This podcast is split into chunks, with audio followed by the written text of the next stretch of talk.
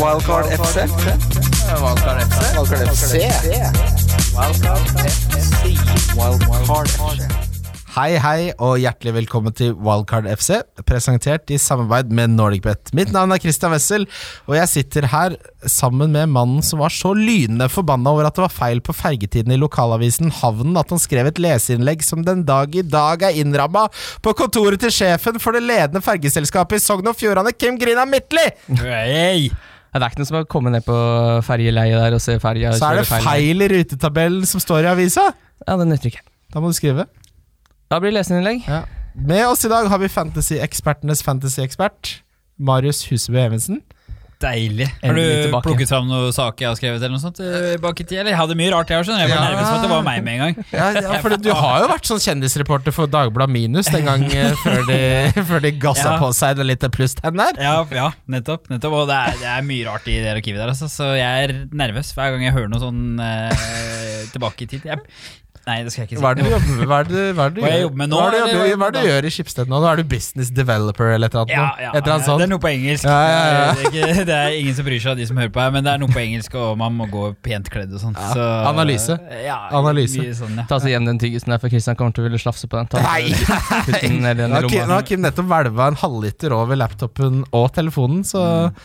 du, er ikke, du har ikke skam. Det er du som setter glasset ditt midt på bordet, da. Ja, ok, uansett. uh, utrolig deilig å ha deg her, Marius. Det skal, det skal sies at uh, jeg har prøvd en stund. Ja, ja det, er, det, det er hyggelig, det er hyggelig. Men det er jo eh, denne pappa- Ja. pappagreiene, da, som er siden jeg var her sist, vel.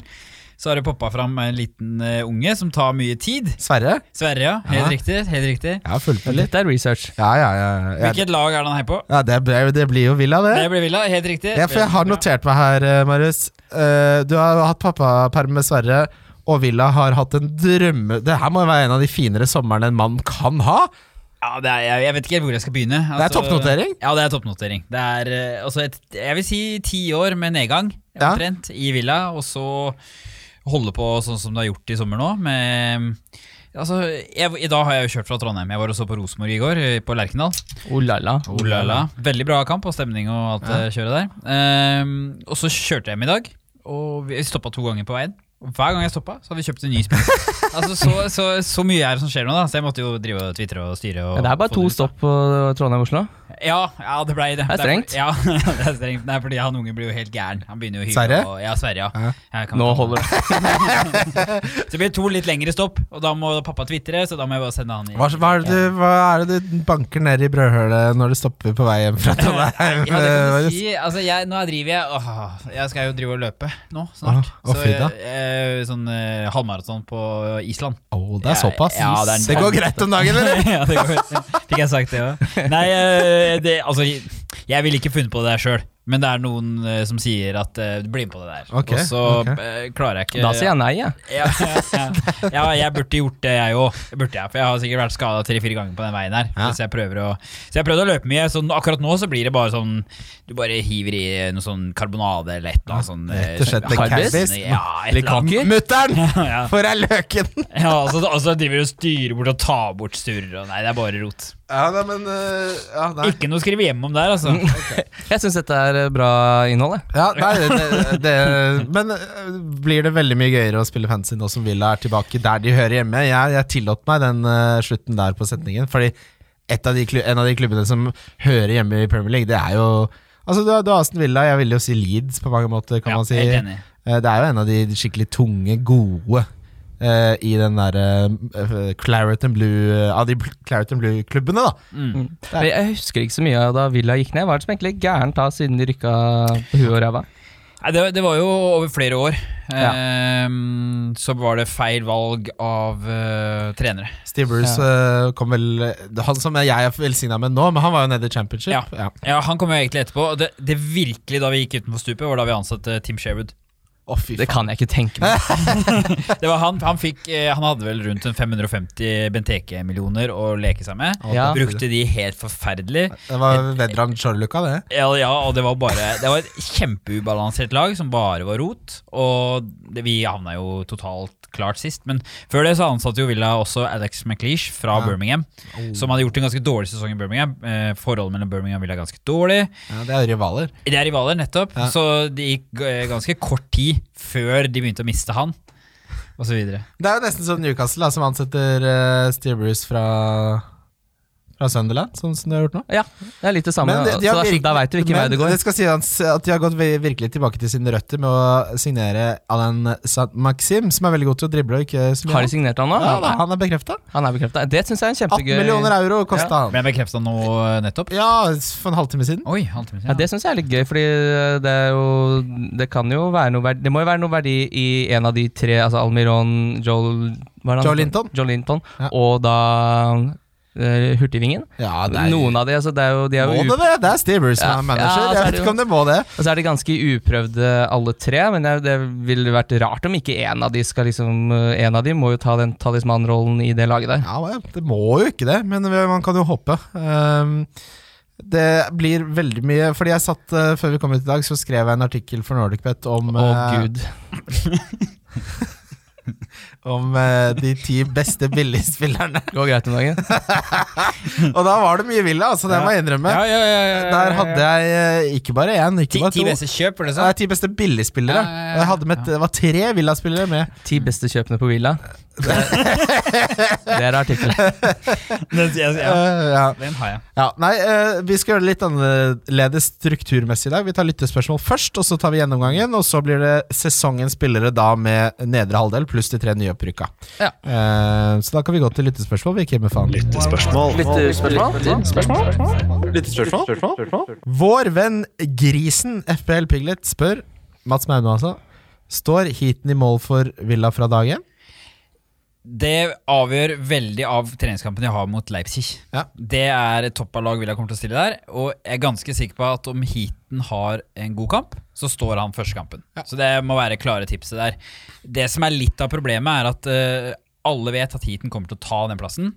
Men Jed Stair var jo så god da Villa rykka opp. Hele veien. Han har ikke gjort noe feil i sommer, men han har vært litt svak i de preseason-kampene, spesielt den siste han spilte, som gjorde at vi akselererte det keeperkjøpet vårt. Så det kommer til å skje en overgang der, trolig ganske raskt, men fordi han kommer inn så sent, så er jeg bitte litt usikker akkurat nå. Ja. Så starter han mot Leipzig og gjør en god kamp. Klink i Rudén. Ja. Mm. Men uh, Nyland gidder vel ikke spille tredje fele på det laget der? Skal han ut, eller? Fjerdefele, ja. Ja, fjerdefele, ja. Fjerdefele. Eh, han har eh, en sånn hashtag òg, hvor ØHN1 er eh, taggen hans, siden han har drakt nummer én. eh, og den driver han og holder på med fortsatt. Så, Det er eh, ja, veldig Nei, altså, han, han forsvinner nok, men vi, vi betaler jo altså, knapper og gladspiller for å trene, egentlig. Han var veldig billig og, og er en ålreit fyr å, å ha i garderoben. Så vi, jeg tror nok en Kalinic ryker før det, som er både dyrere å ha og Ja, vi får mer for. Jeg hadde trivdes utrolig godt hvis jeg var fjerdekeeperen til et fotballag. Ja. Det er jo- Tredjekeeper òg er ganske. Ja, altså. det er jo null stress, da. Det skal tre keeperskader til før du må opp og jobbe. Bare heppe litt. Heppe Ja. litt på trening. Ja, det er vel egentlig bare Burnley som uh, greier å dra på skader på Ja, keeperne der, De trenger jo alle. De trenger jo strengt tatt fire keepere. pumpen. Jeg tror Nyland blir lånt bort, eh, kanskje. Ja, det Er Wesley, altså spissen uh, Villa brukte mye penger på, er han noe å satse på, tror du? Vanskelig å si, kanskje? Ja, det er vanskelig å si. Ehm, jeg har jo selvfølgelig troen selv, men om man skal se helt objektivt på det, så han er jo en tankspiss i en 4-3-3, som vi kommer mer inn på når vi skal inn på Villa senere. Men han tok også straffer i forrige treningskamp. Jeg tror han kommer til å ta det i første kampen hvis de skulle få. Og sånn som Villa spiller, så vil det meste sentreres inn på han. Vi var jo også med Dean Smith, det laget som scora klart mest på innlegg. Så det er på en måte flere sånne aspekter der som gjør at det sånn selvfølgelig er interessant. Eller han er interessant. Og det samme gjelder programmet også, som er kjempebra. Så hvis jeg skal se objektivt på det, så er det en wait and see-spiller. Ja, ja. For du må bare se, ok, tar han nivået, passer han inn, osv. Men om jeg skulle tatt en sjanse på en spiller i det, den prisklassen der, så sliter jeg litt, fordi noen enten krysses med veldig vanskelig program, eller så har de ja, litt sånn forskjellige ting som vi kommer mer inn på senere. da. Ja. Men, eh, men eh, jeg kan i hvert fall si at han er eh, i treningskampene så har han vist en ekstrem kvalitet, og han kommer til å bli viktig for Villa. Og, og han er top dog, main man-spiss. Det er ikke noen ja. Fordi sånn som jeg tenker på Shay Adams og de, disse andre, de har så mye konkurranse. Det har jo ikke eh, godeste Wesley. Ingenting. Han har, per nå så har han ingenting, for vi leter etter én spiller til. Nå, Villa. Det er vel en spiss og en Eh, Nå er det bare spiss igjen, Bare spiss igjen. som, som skal på en måte hentes inn. Som skal være da en reserve for Wesley. Han skal satses fullt og helt på. ja, Som Tammy ja. I første divisjon. Da er det veldig sånn gammeldags triks. Eller gammel, et triks som funker, er jo å sette han på straffer, bare for å få han i gang. Ja, ja, Så ja. det- det var det vi gjorde Så er han god på straffer også fra Klubb Brygge, var det ikke? Jo, stemmer. Så jeg, jeg kan ikke skjønne annet enn at han er på straffer. Nei, Det, det her spørsmålet tror jeg jeg vet svaret på, men jeg stiller det uansett. Er Jack Grealish uh, bare Barkley i forkledning? Og, og det, er da, det er da den dårlige Barkley, Fordi han har vært god til tider òg, så jeg antar at uh, grisen her mener dårlig Barkley. Ja, dårlig Bark Barkley uh, skal vi ikke innpå i den poden her, men han eh, har vært kjempebra i, i sommer. ja, Kim snakka nettopp om Ja. det. At eh, Kim, jeg mener at Kim ligger to-tre uker bak meg i forberedelser nå, for jeg merker at han surrer litt med laget sitt. Og da er jo Barkley en sånn at han tar straffer og går opp til seks millioner, jo. Kan, kan ikke du få, kan ikke du inn Ross, Barkley. Få inn Ross Barkley, Kim. Uansett, tilbake til spørsmålet. Stråmannfabrikken er fullt fyr i fabrikkpipa på Men Jack Grealish, er han bare Barkley-forkledning? for kledning? eh, eh, altså, Grealish er en uh, fantastisk fotballspiller. Eh, deilig tenning i studio, det kjenner jeg. Det Ja, merker jeg. Og- rett og slett flipper burden til meg. Nei, Gre- Grealish er altså en fantastisk fotballspiller. En helt annen type enn Barkley. Er, Barkley er en sånn dynamisk uh, spiller som eh, ikke Grealish er på samme måte. Han uh, leker litt med kula, egentlig. Han fører den fram på en sånn Pirlo-aktig måte. Ja. Um, så må, blir det veldig spennende å se hvordan han nå tar toppnivået, som han er tilbake. Han Ja. var jo i, i Villa da de rykka ned. Ja. Uh, mest, var god da altså. Ja, ja, Viste takter. Og mest som uh, slags sånn sub eh, den gangen, og nå kommer det opp som kaptein og, og storspiller. Så det blir utrolig spennende å se hvordan han tar nivået. Um, Det var jo så vidt de ikke solgte han til Spurs. Uh, Ja. Det er ganske mange sånne øyeblikk i Villas historie nå de siste to årene hvor hvis det går litt annerledes, så ser alt helt annerledes ut. ja, ja. Og det er litt av det samme med den keeperplassen også. Vi er noen få dager unna å egentlig få en av de Uniteds beste keepere den gangen, da, bak De Gea. Og så er det fordi Villa da den gangen var nesten konkurs, så de kun, fikk ikke hente han. Og siden har vi jo slitt. ikke sant? I dag henter vi jo kanskje keeper nummer fem på de siste to åra. Så det er sånne små detaljer ikke sant? som gjør at vi beholder Grealish, som gjør at igjen Villa-laget ser helt annerledes ut. Jeg tror ikke. Villa-laget er oppe i Premier League igjen hvis Grealish blir solgt. Det tror jeg ikke. Nei. Ehm, vi har Fantasy Stats som spør Lund Stram. Spiller han? Han er jo da denne firemillioners uh, som seilet opp fra ingenting, som har spilt mye midtbane i preseason for uh, Sheffield United. Uh, jeg har sett uh, litt på forum og sånn til Sheffield United, og de sier jo at de har ikke noe tro på at han kommer til å spille, men hva Det jeg har lest, er jo at eh, han kommer til Han er jo i utgangspunktet en defensiv midtbanespiller, så han kommer til å komme inn eh, eventuelt mot topplagene når de trenger en ekstra mann i, i midtbaneleddet. Og hvis det viser seg at han er en eh, spiller til fire som kun skal spille, topp, eh, eller spille kampene mot topplagene, så syns jeg han er uinteressant. Ja, det er Eh, ikke men, bra. Det vil hvert- men nå har han plutselig spilt veldig mye, da. Men er ikke det bare at de ikke har andre bein å sette Ja, jeg, jeg ville nok sett andre steder etter fire spillere, for det er jo et par til. Ja, nei, det er, det er som du sier helt riktig. De har jo den sentrallinja på midten, hvor de vanligvis kjører to mann som ligger dypt, og så en tierrolle. Og som du sier, så har de da tenkt å kjøre Lundstrøm som en sånn eh, Trekke ned en mann til på midten. Sekser-type, Ja, rett og slett for å ha tre Ja. foran den trebekslinja. Ja. Og trekke bekkene ned, ikke sant? så det en slags fem og tre. Så det blir en Mm. veldig defensiv linje. Og det har de testa mye nå, og det har egentlig fungert veldig godt. Mm. Så jeg tror han kommer til å få spille en god del. Men de har jo henta bl.a. Osborne uh, fra Nottingham Forest, Mm. som egentlig er en av de som skal gå inn i den rollen han nå har tatt. Mm. Og skal ta den tierrollen. Så det vil være veldig uforutsigbart når han spiller. Så det du får, er at du får en som kommer til å kanskje spille jevnt gjennom sesongen, men aldri vet helt når. Ja, og det er vel Altså, Jeg vil heller ha en som er fire millioner, som aldri er over midtstreken, men som spiller 90 i store deler av eh, sesongen.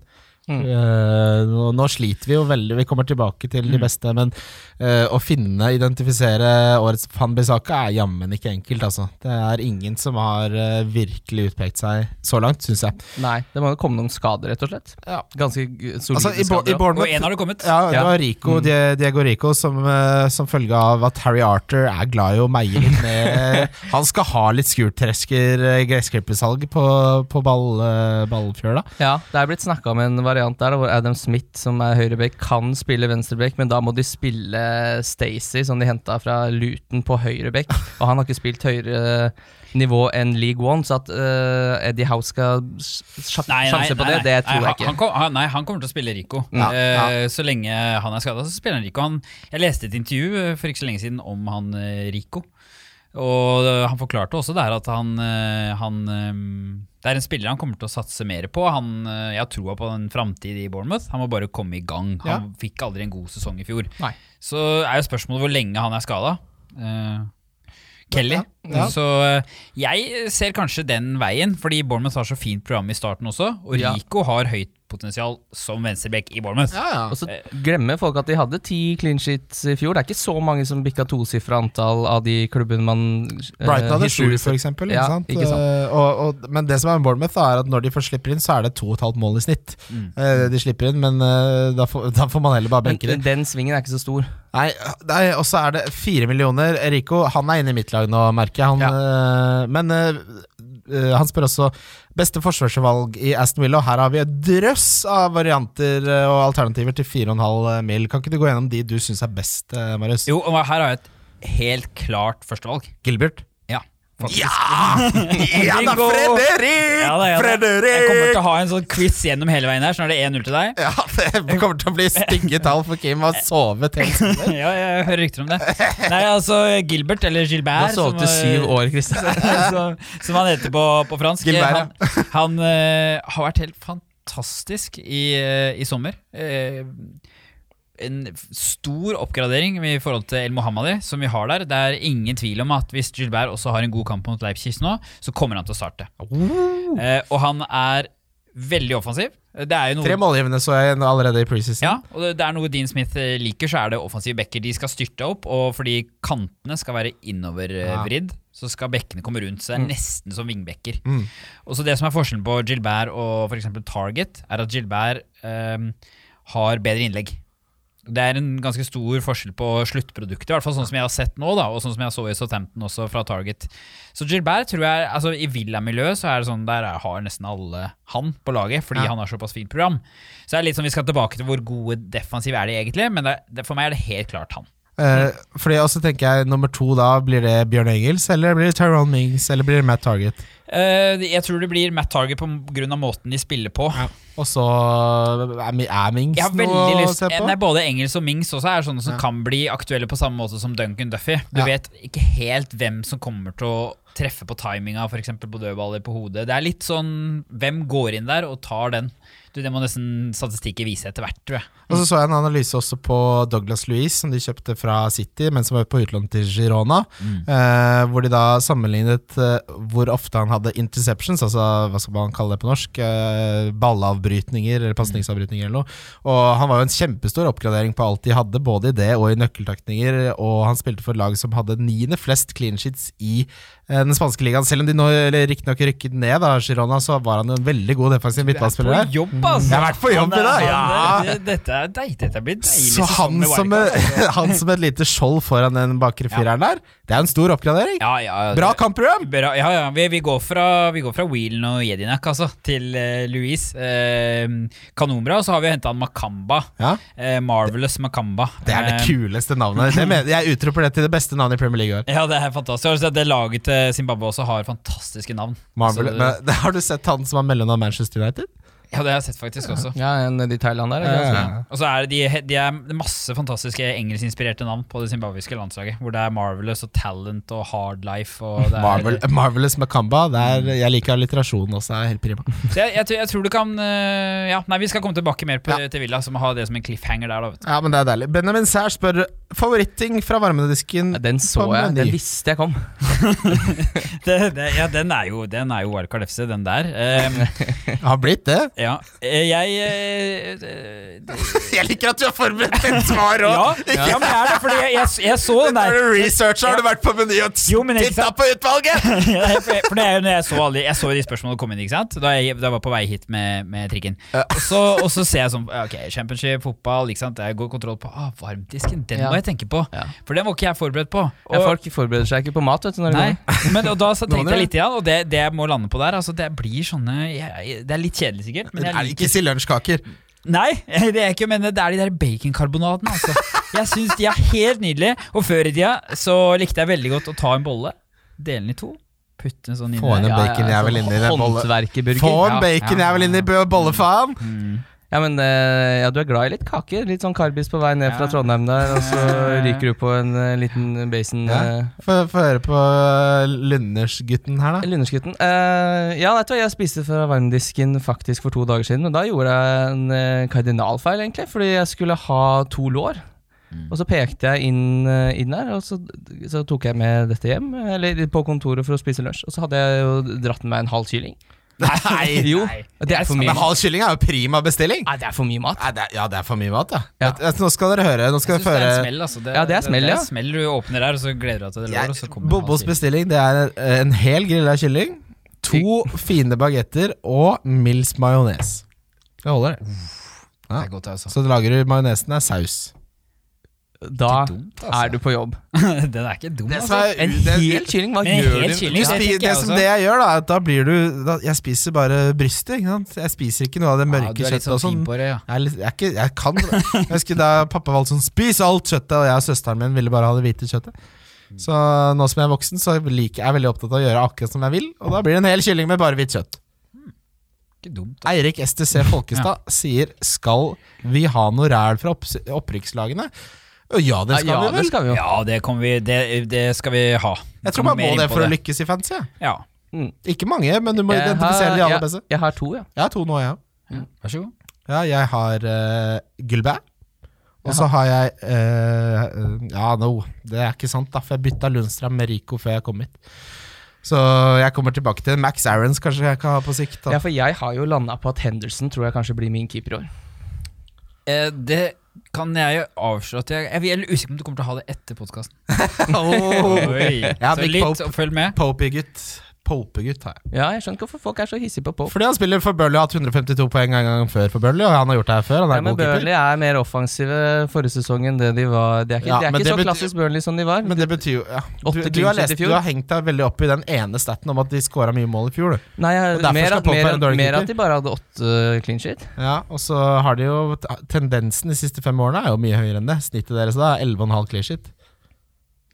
Tror Ja. jeg, jeg vet, Det bare fant jeg Ja, på. det, det vet jeg ikke. Vet du, som hører på, ta sjekk de statsa som Christian kaster ut, Fordi noen ganger så er det sutter han seg litt Ja, på fingeren. bare se om, og så- jeg, bare se om det fikk noe gehør. Se om det lander. Ja, det høres plausibelt ut. Ja, det høres plausibelt Det høres ut. plausibelt ut, ja. Men jeg, jeg, akkurat den har jeg ikke Det var kontroll på. Men eh, det, la de forrige sesongstatistikker Der skal jeg Det blir spennende å høre om Ja. du, du plumper ut det. Altså. Ja, nei, vi, eh, ja. vi uh, I denne episoden så skal vi jo da ta for oss uh, nedre halvdel av tabellen pluss de tre nyopprykkede lagene. Så får, vi får dessverre ikke høre noe om Huddersfield denne gang. Eh, vi starter med eh, det, det Altså det, Er det glidende overgang? Hør da. Hummer og kanarilaget over alle sjødyr og, og fjærkre. Watford. Ai. Oi. Oi, Ja, den er ikke så god. Ja, jeg den. den er fin, jeg. Jeg syns jeg Den er fin. den litt. Eh, på ingen måte en eh, stor overgangssommer eh, for Watford. Absolutt ikke. De har vel ikke handla i det kløyva f- nesten? Nesten. Eh, ja. Dawson. Hvil- Hvilken av de? Michael Dawson? Spiller han for- fortsatt? Det er Watford du snakker om nå, Ja, ja, ja, ja, ja. West Bromwich-Dawson. Craig, Craig Dawson? Dawson? Ja, ja. Det, ja, det regnes ikke som en signering. Ja, altså, når, det, når, det er sagt, så er det en, eh, en eh, Jeg vil si sånn Fotballmessig så syns jeg det er en litt merkelig overgang. Han er 30 år, og de har signert på en tre-fireårskontrakt. Watford har vært i Premier League ganske lenge, de har god økonomi Ja, etter hvert. Det er som en forberedelse på at de rykker ned, det. Ja, det er nesten litt sånn eh, det, det er Kanskje mer et sånn nyopprykka lag verdig som type Sheffield United eller noe sånt. Eh, når det er sagt, så er han jo en god spiller og vært en fantasy-favoritt tidligere, så kan godt hende han blir aktuell etter hvert. Men det Watford-forsvaret er som, litt som du er inne på i innledninga, det er så fryktelig uforutsigbart. Eh, og skal du ha noe, så må du ha noen som er, har mye å tilby offensivt, og det har jo han Hollebass, da. Han har også mye å tilby på kortstokken. kortstokken. Absolutt. absolutt Det er jo uh, helt vanvittig. Han har vel Premier League-rekorden, tror jeg, for det gule Ja, kortet eh, på en sesong. Ja, jeg tror han hadde den der 15 hvor du får tre kampers karantene. han er jo litt sånn skikkelig stopper, da. Watford har jo mye rare stoppertyper. Ja, Ja, ja, det er sånn veldig sånn Det er én-til-én-stopper, Ja, jeg, liksom. jeg er enig i det, fordi det er første gang altså, på lenge så har de kanskje en stopper som virkelig kan posisjonere seg, som virkelig kan vite skal jeg ta ut dybde eller skal jeg gå i og en, en, grisetakling. ligge ned? Ja, det er litt av problemet med f.eks. Kabasele. Sånn, som du, du, plutselig kommer det røde kortet, og så kommer det en feil. Altså, ikke sant? Det er litt, Ja, sånn halve Watford føler jeg er sånn. Mm. eh, Og så må. Mariappa inn der øh, kampen etterpå fordi han har karantene. Og så er vet, det, ja. Så når det er sagt, sånn sett, kanskje ikke for framtida til Watford, men, men for forsvaret her og nå, så tror jeg det kan styrke Watfords forsvar. Um, og så er det spennende med de bekkene. Jeg har sett flere varianter med, med Holdebass, eh, spesielt da, fordi han slår veldig mye dødballer. Han slår også gode dødballer. Mm. Så jeg forstår den varianten, men for meg blir det Jeg hadde sterkt vurdert han til 4-5, men ikke når han ligger der han ligger nå. Nei. Um, Hva med Nei. Kiko?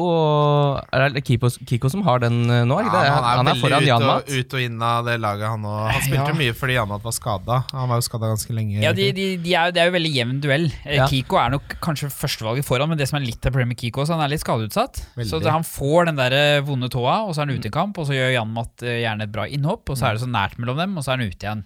Så jeg vil gjerne ha en sånn fire-fem-mann på benken som skal stå der i lang, lang tid, ikke sant? Mm. som plutselig er borte når du får den gullkampen hjemme mot Burnley, da. Ja. Plutselig løs, lyser det mye rødt fra benken når du har Feminia inn på laget der. Ass. Jeg, Ja. så, jeg så noen som argumenterte for det å ha Craig Cathcart, for da vet du at du får eh, 38 ganger 2 poeng. ja, da er det ikke noe Ja, men Da er du godt på vei mot 2005. Da.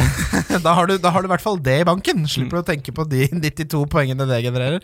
Eh, Kiko er en, en veldig bra spiller, altså. Veldig artig spiller å se på. Det er litt- synd at den duellen Det er hender jo han ramler litt lenger opp i banen nå, men det ja, er jo ja, men det, det vil han fortsatt gjøre òg. Ja. ok, gutter. ok gutter uh, Den spilleren Da er her det nok for deg. Eh, den, gutten, Nå er det den, bra. den spilleren her forrige sesong hadde fem mål og sju uh, målgivende og tosifra antall bonus. Hvem snakker jeg om? Kapo. Dokore. Dokore, Doko. ja, selvfølgelig. Dokore. Selvfølgelig. Han hadde jeg faktisk på Ja. en periode. Han, hadde med det, han koster jo seks millioner, så det blir Da er det Barclays i hvert fall som er mer interessant for deg, Kim. Vet jeg. Ja, men det er, eh, jo, det er jo noe fantastisk med å se på målshow og se Dokore få ballen på 25, og så bare sende av gårde en rakett. eh, ja, den inn de smaker litt bedre, de poenga der, enn en tap-in, men eh, nei, jeg er ikke så hissig på, på egentlig noe, jeg. Ja. det er jo mange som har Delufeu uh, oppe nå. Er det jeg er ikke Troy Dini Han pleier å være sånn tung i starten av sesongen. Pleier han ikke det? Og så pleier han å liksom løpe av seg Jo, fem kilo. forresten. eh, det, det skal jeg si. Altså, Watford er jo et, eh, et pangstartlag. Ja, de Det er pleier å starte bra. Ja, er Husker du Pereira i fjor? Sorry. Ja, ja, ja, ja, Ja, ja. Nei, bare sky- skyt inn hele veien, for jeg, hvis, ikke så, hvis ikke så snakker jeg gjennom hele poden. Gjerne altså, det. Watford er et uh, pangstartlag. Det har de vært hver eneste år. Og jeg leste sånn intervju eh, med Ben Foster som sa de kjørte doble økter mandag til fredag. En enkel økt lørdag, så fikk de hvile av søndag, for da var de helt kjørt. Ja. Og øh, vi, Han gikk litt inn på det treningsprogrammet deres, og sånn, og det, virket Nå kan ikke jeg så mye om det, men det virket hardere enn en del andre lag kjører. Og Det henger kanskje litt sammen med at Watford hver eneste sesong eh, henger med i tre-fire måneder. De fysiske kommer- ja. nivåene er såpass høye på Watford at de rett og slett outrunner eh, mange andre lag, tror jeg. Kanskje, i hvert fall De er på et annet sted, da, ikke sant? Eh, til det tidspunktet. Men altså, dette her er ja, de, ja. de løper sprint, mens alle andre løper maraton. Ikke sant. ikke sant Og så og så er det noe med den um, tilnærminga til Watford da, som er veldig sånn De går veldig veldig på offensivt fra start. Men Delofeu her, da. ja, Delofeu, ja. Jeg har han Jeg skal En liten teaser. Han blir sesongens, sesongens donk uh, på denne delen av tabellen fra meg. Ja, jeg ser altfor mange lag som har Delofeu 2,3 poeng i snitt, så lenge han ikke møter Ok, Brighton. Ole Paus, du kan få lov å hoste en gang til. Så du de poenga, hvordan det hadde fordelt seg? Ja, det var, altså, det var 20 poeng mot eh, Brighton og et annet lag som jeg ikke husker hva var, og så er det Mm. to-ish i snitt mot de andre. Han hadde Nei, altså han var vel 45% av poengene sine mot Cardiff og Det Huddersfield. var det jeg mente. Ja. Det var det jeg mente. Beklager, jeg sa feil Ja. eh, lag. Ja. Og så hadde han eh, en stor bolk til mot Westham. Ja. Og så var det ellers omtrent bare blank. Men da har du 50% av poengene dine mot de to laga som rykka ned. Som var Og han desidert dårligst. 90% av bonuspoengene sine mot de to laga. Ja. Så Det er ikke, det er ikke bærekraftig, Marius. Nei, jeg, jeg, jeg syns ikke det. Og jeg vurderer ikke Delofeu egentlig litt etter at jeg leste den lange artikkelen om han der, Ja. og hvordan han hadde fått poengene sine, og hvor ustabil han er. Og Det er litt av problemet, og det er kanskje grunnen til at han har variert så stort i klubber òg. Han har et kjempenivå ikke sant, på enkelte faser av spillet, mens andre faser av spillet er ganske dårlig. Ja. Eh, Avgjørelser i siste sekund, f.eks., og avslutninger også, er fryktelig frustrerende. Du vet ikke helt når det kommer.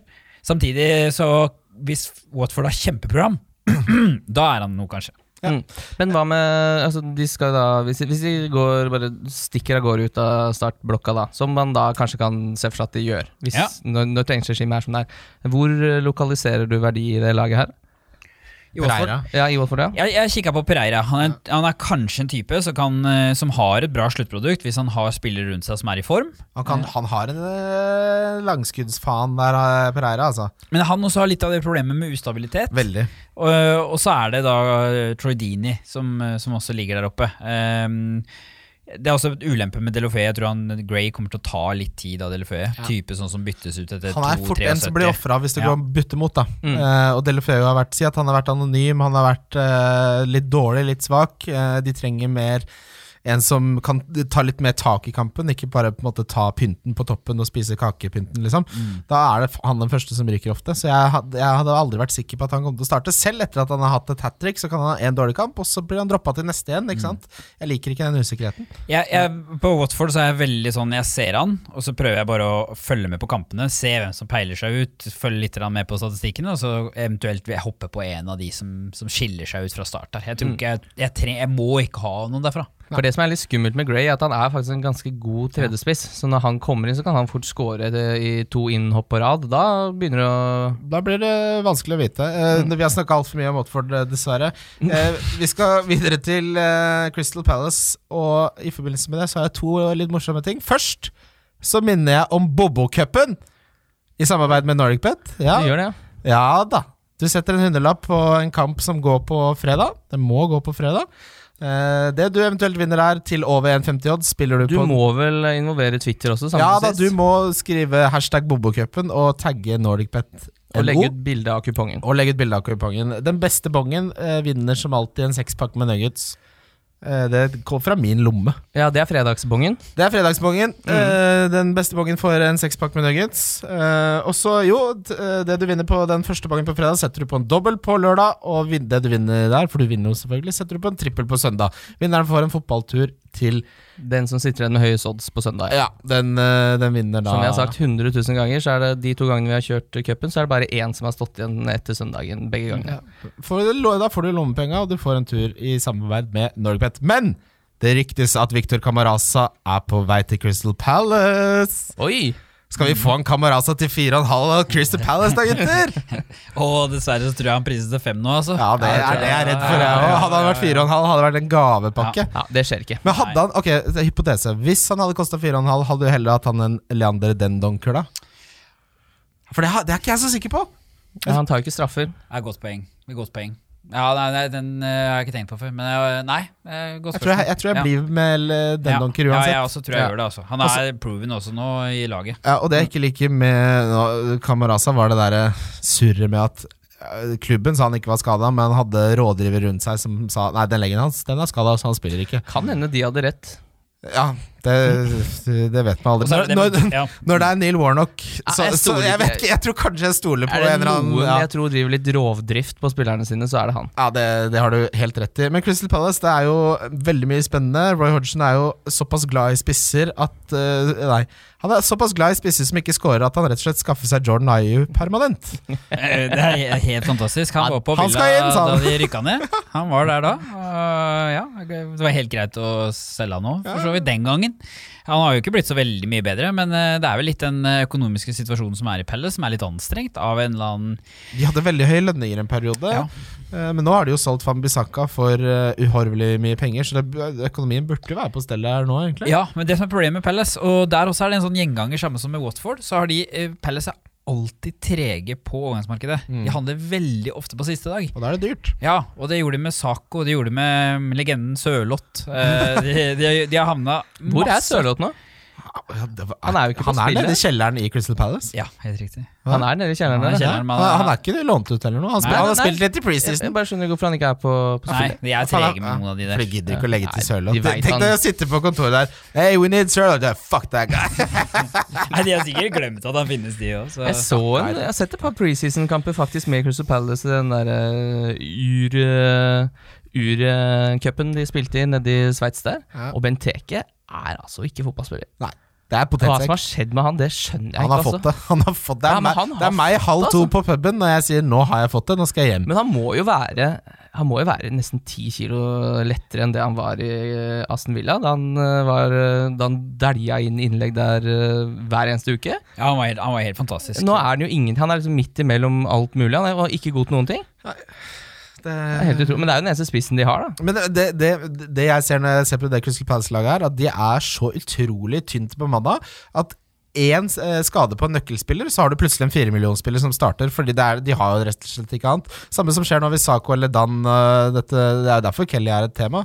Men Kelly kan fort ende opp med å starte rett og slett for de har ikke annet. Og det samme med altså Connor Wickham kan fint være startende spiss, Fordi hvis Benteke er ute, så er det enten han eller Jordan Ayu. Men en som faktisk har gjort det bra i preseason, er jo Max Meyer.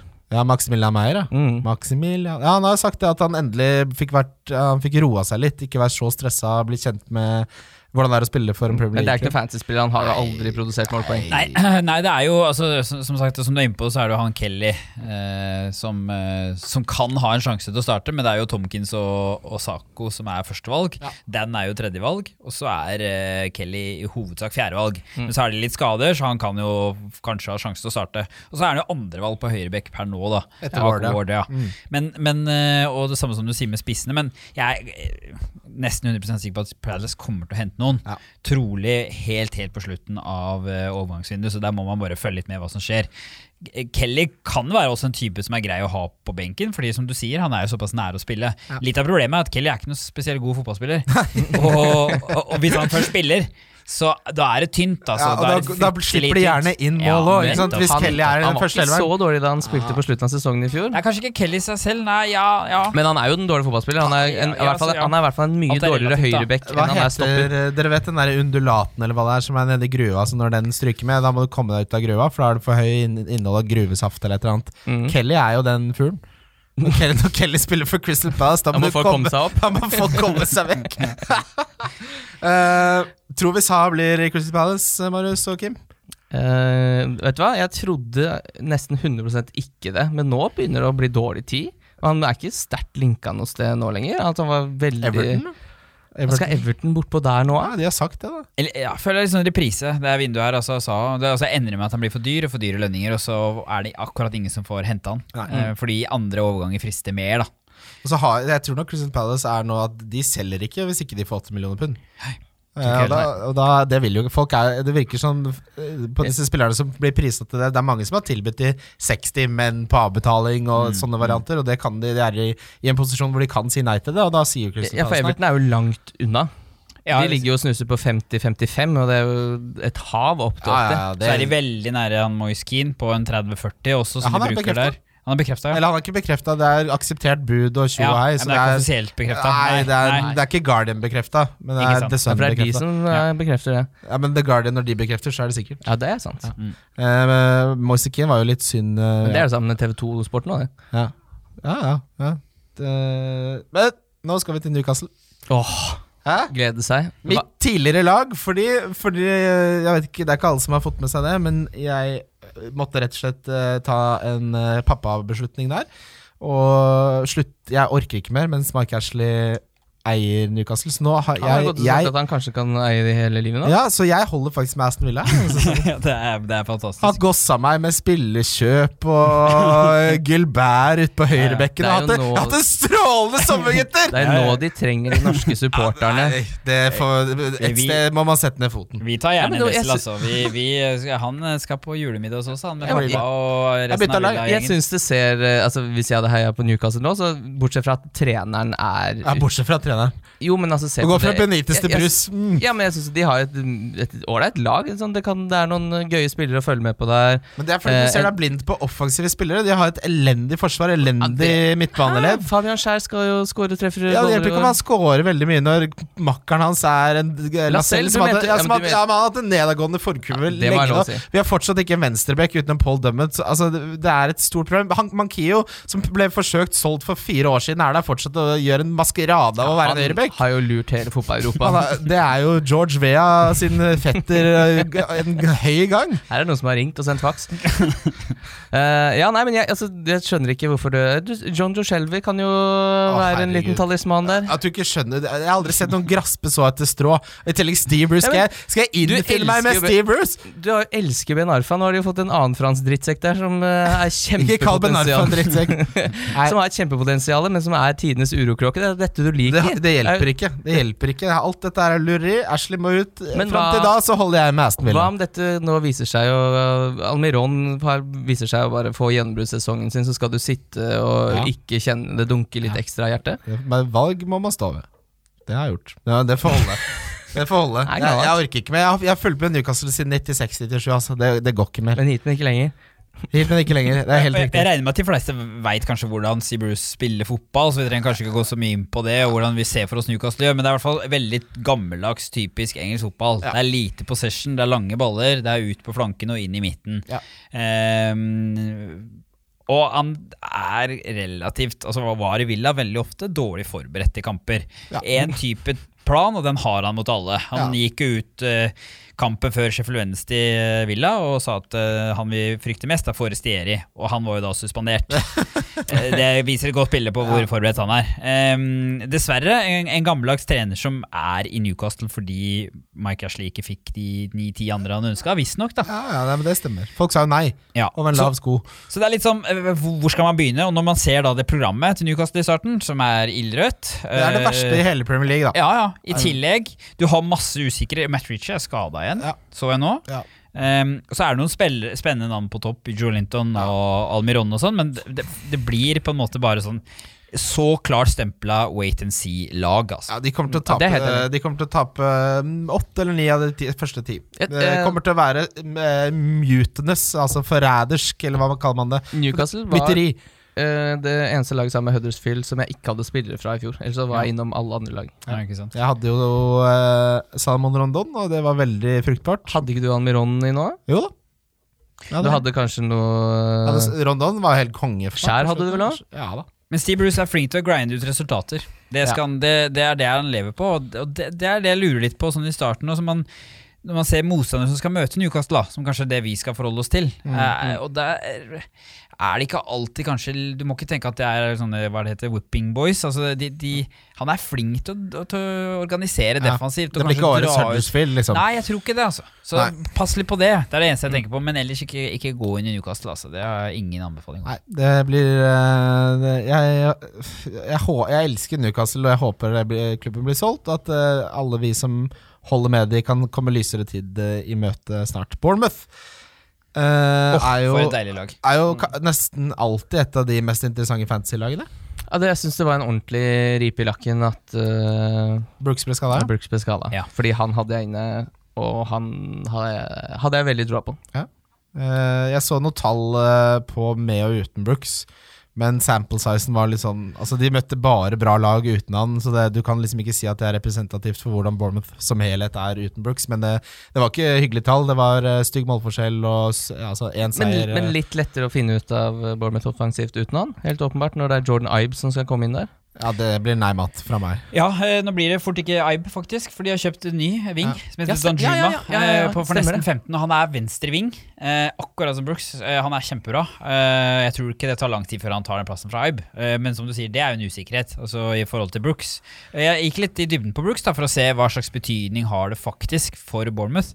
Og jeg ser, sånn med tanke på sluttprodukt, både i forhold til sjanseskapt og skudd gjort, så er Wilson, eh, Frazier og King foran på alt. Mm. Eh, så det har vært verre for Bournemouth å miste dem i den fasen av spillet. Men når det gjelder tanke på touch, pasninger i eh, siste tredjedel og på motstanders banehalvdel, så er Brooks helt i toppen.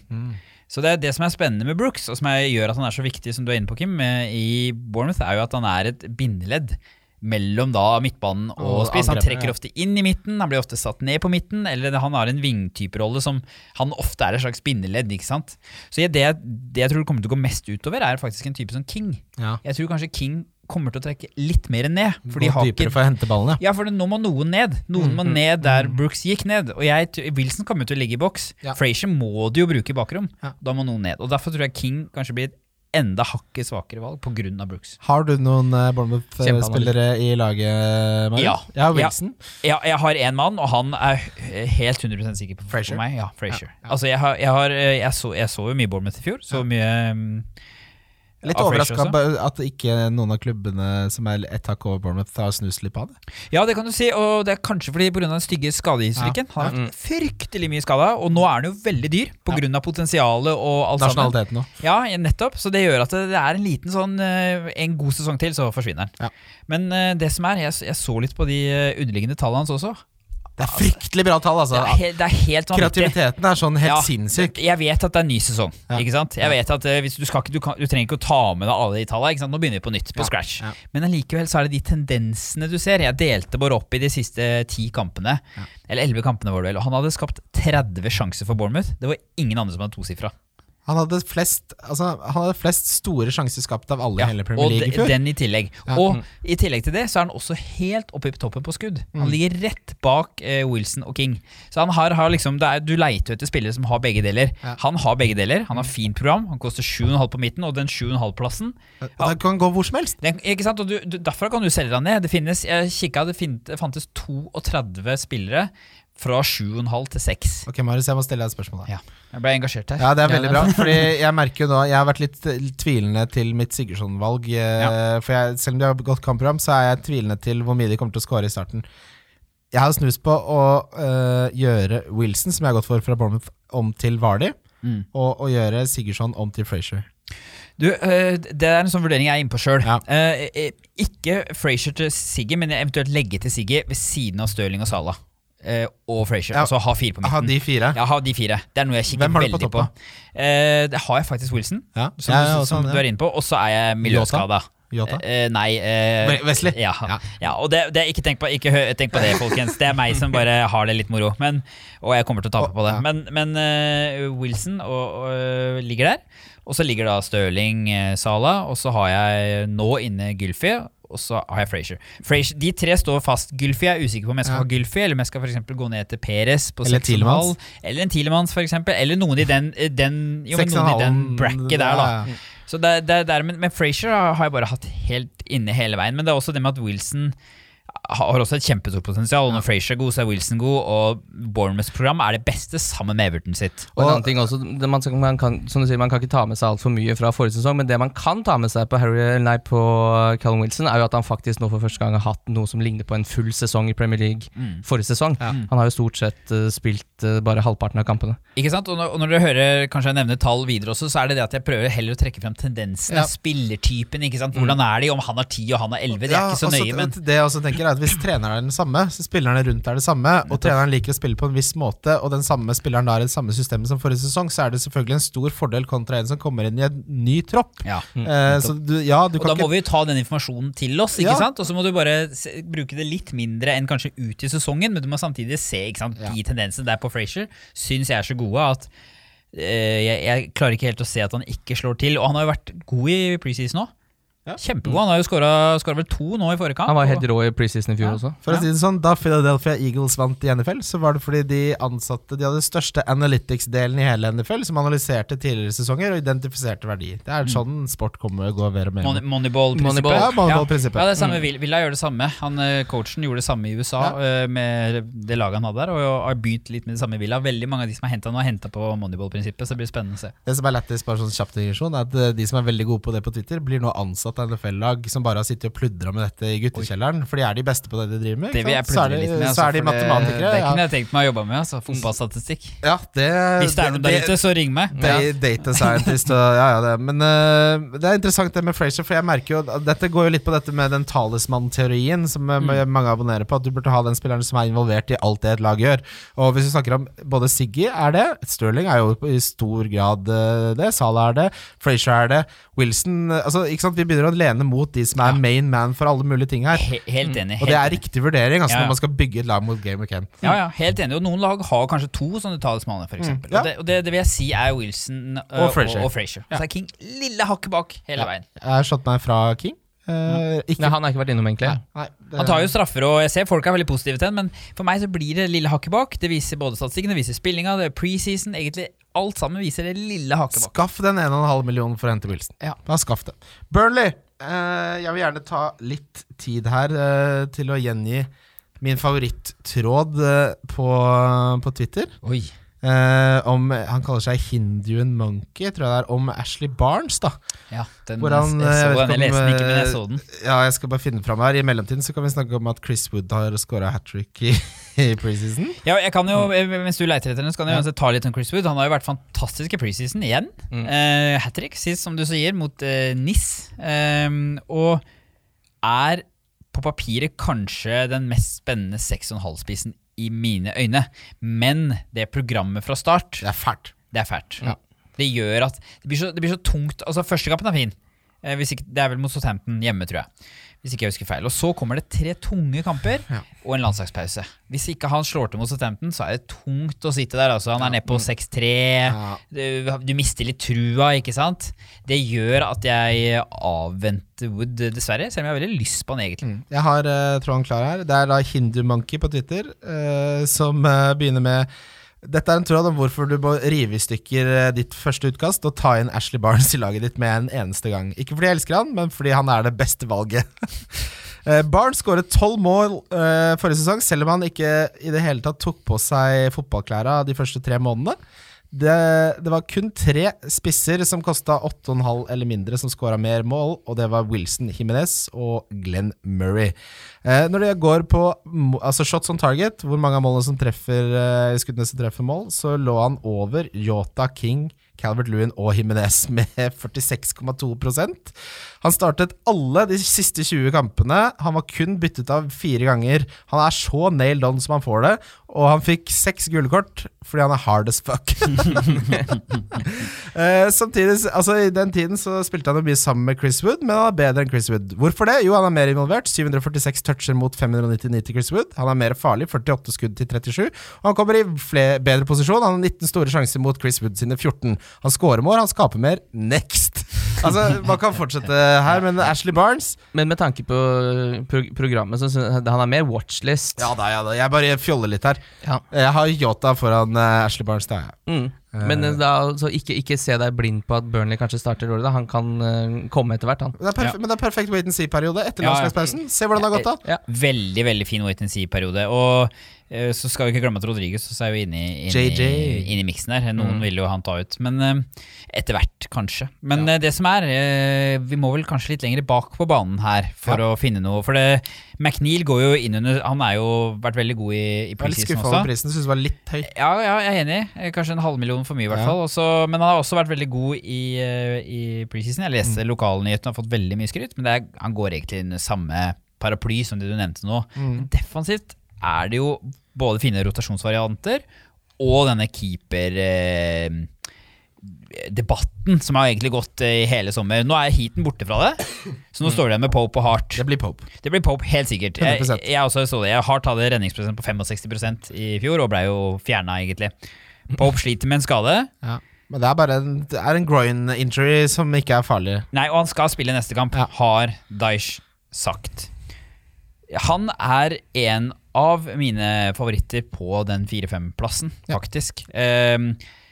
Ehm, grunnen til det også er at mye Altså, Programmet fra start er vanskelig. Det trenger ikke være negativt, det har vi hørt mange ganger. ikke sant? Jeg Da får jo- hele sesongen Da får jo uansett, keeper mye skudd på seg, men så løsner det også. Ja. Da får du litt av begge deler. Ja. Så um, han har høy redningsprosent. Um, Burnley har få pasninger innad, som gjør at keeperen ofte kommer høy bonus. Ja. Men så er jo statistikken er jo skremmende for Burnley.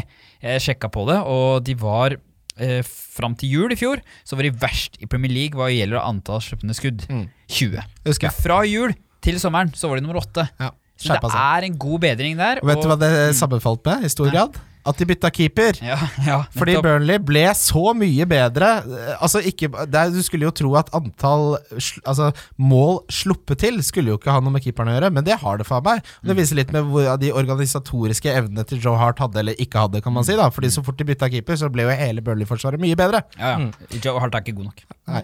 Bare en sånn uh, liten eh, folk som rot roterer keeper og sånn. Ikke gjør En det. halvinteressant eh, stat der er jo at lagene som Altså hvem failed to score da på hjemmebane? City null. Skårte i 19 av 19 hjemmekamper. Arsenal og Liverpool gjorde det én gang. Eh, mens Burnley er laget på neste de, med tre. Så de skårte altså i 16 av 19 hjemmekamper. Så når man sitter med en sånn Hvis man sitter i en keeperrotasjon da og vurderer ah, Burnley borte, er ikke det en OK kamp? Det er Nei. faktisk en Ja. dårlig kamp med tanke på clean shit. Det er godt poeng, og det er sånn går det når du er Ashley Barnes. Da blir det mål i hjemmekampene. da Og så er det jo den, hvis du skal velge noen fra Forsvaret og har lyst til å rotere, og holde på med 4-5, så har Lo- Loughton vært veldig god i eh, sommer. Høyrebekk. Ja, Ja. Fått kjempemye skryt, han også. Eh, så hvis jeg skulle valgt noen derfra å rotere med, så er det han. Og der er det mange klubber som roterer Villa, er en av de som må rotere for eksempel, med. Men det er jo det er en dodgy setup når du har så mye fristende forsvarspick som er litt dyrere. Ja. Southampton uh, Redmond burde jo være selvskreven på ditt lag, Kim. Ja, at ikke jeg har vært innom han, ja. Han, eh, formen hans før og etter hans nyttel er morsom lesning, for det er to forskjellige altså det er, Han ble bedre på absolutt alt i eh, veldig veldig, veldig stor grad. Han ble en helt annen spiller. Mm. Eh, James Ward Prowse har også ganske bra tall til å være en midtbanespiller til seks millioner. Både på, altså, spesielt på poeng per kamp eh, så er han høyere enn man skulle tro til den prisen. Uh, og så har du Pierre Emil Høibjerg til fem. Jeg, ikke, jeg gidder ikke å bruke for mye tid på han, men en jeg har litt lyst til å snakke om, er Che Adams, som er 22 år gammel og skåret 38 goller på 123 kamper for eh, Birmingham, er det vel? St. Andrews. Eh, som ikke var et spesielt bra lag. eh, og han ble da også med på Championship Team of the Season nå forrige sesong, 18-19. Han har eh, et Altså, hvor mange minutter han bruker per skudd, det er langt over alt det Southampton har hatt. Så er spørsmålet Um, Altså, Det er veldig mye konkurranse på spissplassen der. Altså, den hengsen som de har kjøpt fast. Ja. Han kan spille på begge vingene også. Og bare for å ta litt mer oppdatert seg, så hadde han 22 mål og 5 assist i championship i fjor. Mm. Uh, og hva er det man eh, det, er, det er en helt sinnssykt høy prosentandel man må kutte av det når spillerne går opp i Premier League. Selvfølgelig, det ser vi Eh, alltid. Det er det nesten Det er vel 50% nesten. Kanskje mer òg. 60 Det er jo de færreste som ja, som greier å dra med seg de tallene. Men absolutt en spennende spiller på et lag som Ja, du har Redmond, da, men det er det er vanskelig, og det er, det er liksom ingen som har helt fått til offensivt i det Southampton-laget, selv om de egentlig har litt spennende ja, typer. Det som er viktig med det Southampton-laget, som man må se, er om Hasenhyttel favoriserer T4-2-1, eller om han går for det han gikk for i Tyskland, som var 4-2-2-2. For det kommer til å påvirke i stor grad hvor mye Adams kommer til å spille, tror jeg. Jeg, sånn som jeg har lest preseason, eh, så kommer de til å starte med to spisser. Ja. Og, og sånn som jeg har forstått, så er Chedams eh, en som kommer til å starte. Ja. Eh, og det virker ganske klart. Han har skåra i tre treningskamper på rad. Eh, Alle kampene som har skåra før det sjette minutt. Uh, fun Oi, fact. oi. Eller en fact, i hvert fall. Og så er det Og så eh, Ja. eh, jeg tror han kommer til å starte. Han kommer til å starte sammen med Ings. Og så kommer Long til å være en sånn supersub. Og så kommer Ings og Long eh, eller begge to, til å skade seg hverandre ut av dette her. Jeg tror Shadams kommer til å spille kjempemye. Han er en fantastisk god spiller. Ja. Uh, han er, Det er du når du skårer så mange mål for et ræva Birmingham i championship, så er du en god spiller. Ja, det kan du si. Samtidig så er jeg ikke så glad i typ sånn, som jeg kommer tilbake seinere, Pukki og Sharp f.eks. Ja. Men Shea Adams er en helt annen type spiller. Han, er, han, er, han er dynamisk, han er rask, han er god til å avslutte.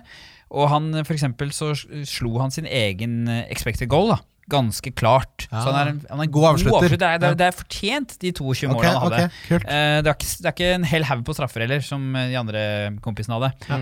Han tok jo en straffe nå i preseason og bomma, bare så det er sagt. Så han eh, prøvde vel å ta seg til den, men, men mister nok den, og det tror jeg er like greit.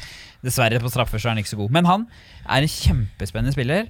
Men igjen, så fort det løsner for september Southampton. Wait For det syns synes jeg er Ja. to tøffe hjemmekamper og så tre bortekamper. Men men han øh, tror jeg nok på sikt kommer til å være en av de bedre seksmillionerspissene.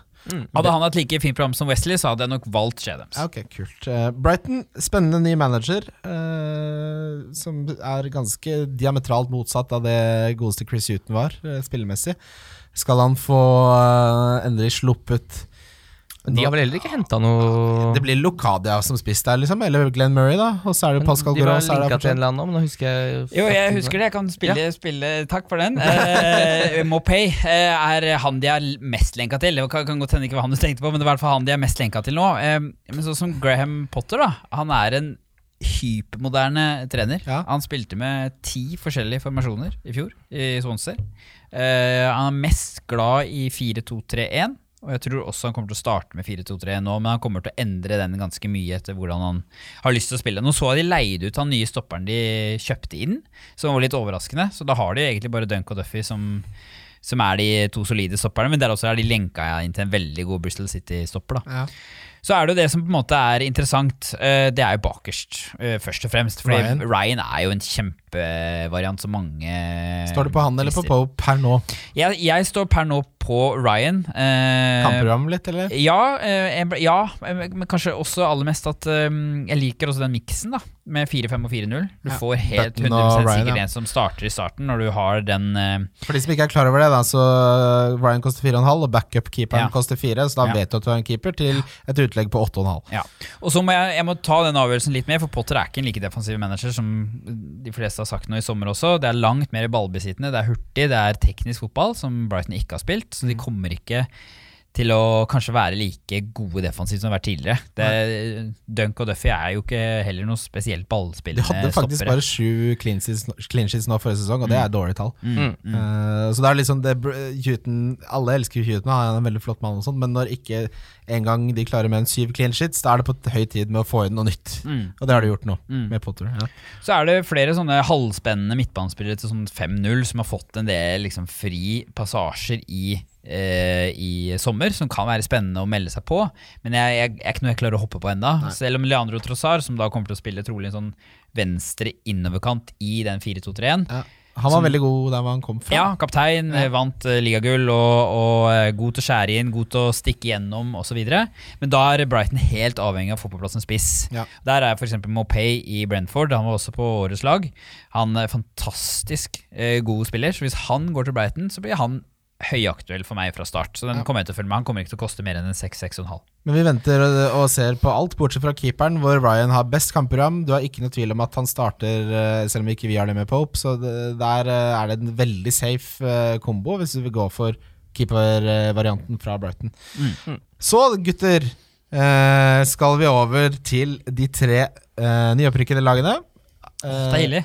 Her Deilig, deilig, deilig. Ja, vi begynner med Jeg tenker at det er egentlig her trist at tida går så fort. Altså, jeg, jeg koste meg, jeg hadde så mye om så temt. Eh, Vi begynner med de som eh, vant championship sesongen 18-19. Norwich. Norwich. Norwich, som man sier. Eh, vi har fått en del spørsmål om Pukki. Jeg tror han er en soleklar kandidat til en spiller som gjorde det bra i championship. Kommer til å skåre fem mål i Premier League. Er, litt pot er potetsekkspiller? Du, jeg gikk jo gjennom Pukkis mål en gang til. Jeg Alle? Så, jeg, ja. Og jeg er flau for at jeg sa det, egentlig. Nei, ja. Men, men, men jeg, Ja, pappaperm, da, for faen! Ja, ja, ja. Det er min pappaperm! ja, men jeg tenkte jeg måtte bare gjøre det kjapt. Og det er en YouTube-video da som har samla de opp. Jeg har ikke gått Du på har ikke sourca Nei, jeg har ikke gått på én og egentlig på å leite etter mål. Så de, de hadde sånn YouTube med sånn musikk og sånn, ikke sant. Ja, ja, så sånn transmusikk. Transmusikk, ja, ja. Så da, ikke sant? Så det gikk ganske fort. Ja. Um, men så noterte, noterte jeg litt på si, og da var fordi jeg syntes det var en ting som gikk igjen. Så jeg starta faktisk videoen på nytt òg. og da uh, sjekka jeg hvor mange som var deflections, eller som var åpen mål. Oh. Og jeg så at eh, av de 25 første måla som jeg så på, da gikk jeg ut av videoen og tenkte nå er jeg nok, eh, så så jeg at eh, 11 av de måla var enten åpen mål eller deflection. Det vil si at han hadde skutt i, i en forsvarsspiller og så gått inn. Eller så var det åpen mål fordi Norwich hadde spilt ut motstander, Ja. som de gjorde veldig ofte i championship. Jeg, jeg føler at nesten Det trenger ikke å være sånn, men det er et slags eh, bevis på hvordan Pukki var. Han var en fox in the box ikke sant, for Norwich-lag som kjørte over motstanderne. Mm. Når eh, han nå kommer til Premier League, så kommer det til å selvfølgelig bli mye, mye Han tyngre. ikke, det kommer ikke til å skje. Nei, han, han, det skal, han er en gårdslute med begge bein, da. Det skal, det, det, det skal han ha. Det, det ser du også. Han scorer med både høyre og venstre, Ja. men eh, han kommer ikke til å være i nærheten av det nivået han hadde eh, i championship. Dessverre. Jeg tror ikke han er en sånn type spiss som tar det nivået, og så er kampprogrammet tøft. Ja. Nei, det, er, det er så mange andre mange, mye bedre alternativer. Se på Che Adams, for eksempel. Ja. Eh, Så spiller du da en 4-2-3-1, for de som lurer på det, med veldig offensive bekker. Uh, han, eh, Max Arons. Max Irons og Joe Louis eh, De er begge to er Norwich-gutter som er unge, eh, 21 og 19. Og så er Ikke lov å gjespe her. eh. Det var ikke Det er, det, er, det, er, det er Kim på solsenga, vet du. Nå kan, nå kan de store må snakke Og så, og så er det Jeg så navnet til Sam Byron, og da måtte jeg bare Ja. Så er det spille, veldig, veldig spillende stoppere og, og innoverkanter, hvor da igjen det er litt sånn som Villa spiller, bare i en 4-2-3, hvor, Ja. hvor bekkene skal gå rundt.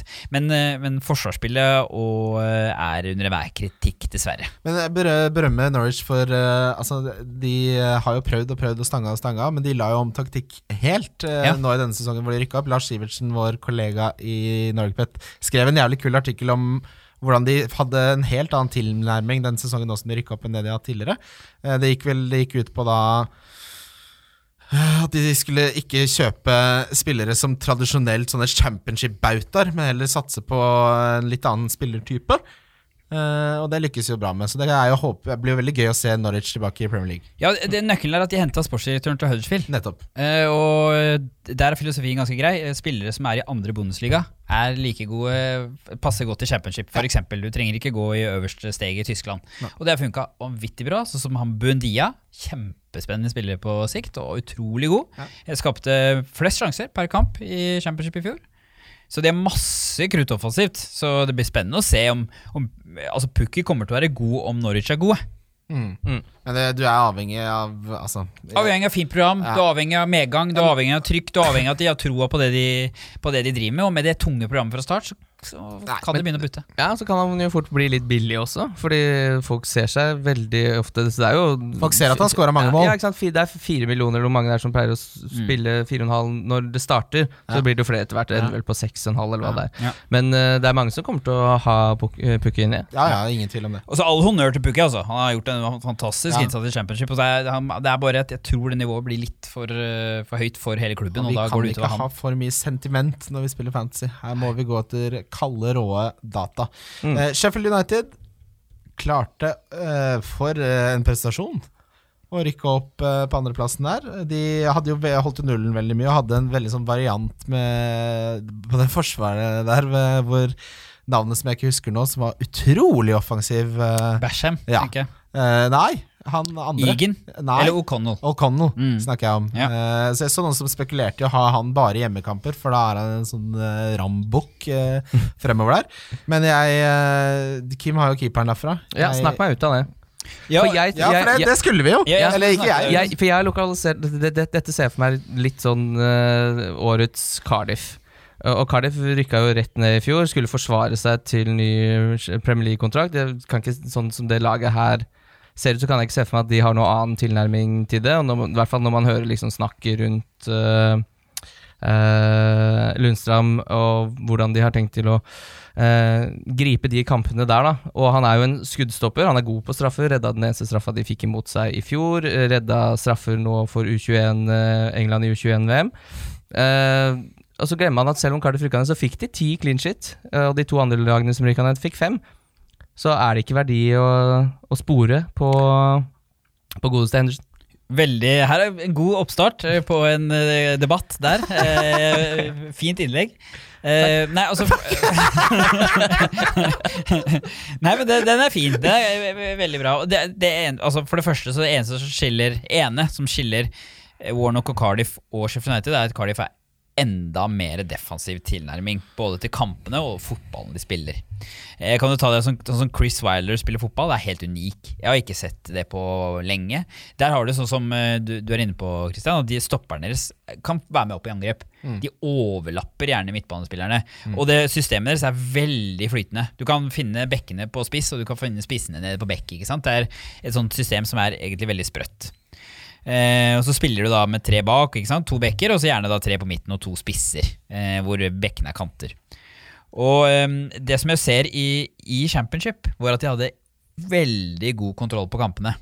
Som gjorde at Henderson han eh, er god keeper. Han er stødig, som du sier. Han har god rekkevidde og alt, men han fikk vel, prøvd seg veldig lite, egentlig. Han var den keeperen i eh, championship som hadde over ti kamper. Han var den som hadde færrest redninger per kamp. Det er bra keepermat for et opprør. Og det her, her snakker vi 24 keepere, altså. Og det er det som gjør at jeg bare Og da jeg så det tallet, så tenkte jeg shit, han har jo ikke virkelig fått prøvd seg opp der med de keeperne som har 4, 3,5, 3,7, 3,8. ikke sant? Så kan det jo godt hende at Henderson nå kommer opp og bare Vet du hva, dette er nivået her, det er her jeg hører hjemme. Nå kommer jeg til å, å, å herje ikke sant, i det nivået. Men jeg blir usikker når jeg ser det. At han, og det, det er litt av det jeg så i kampen også. Sheffield United hadde ganske god kontroll defensivt.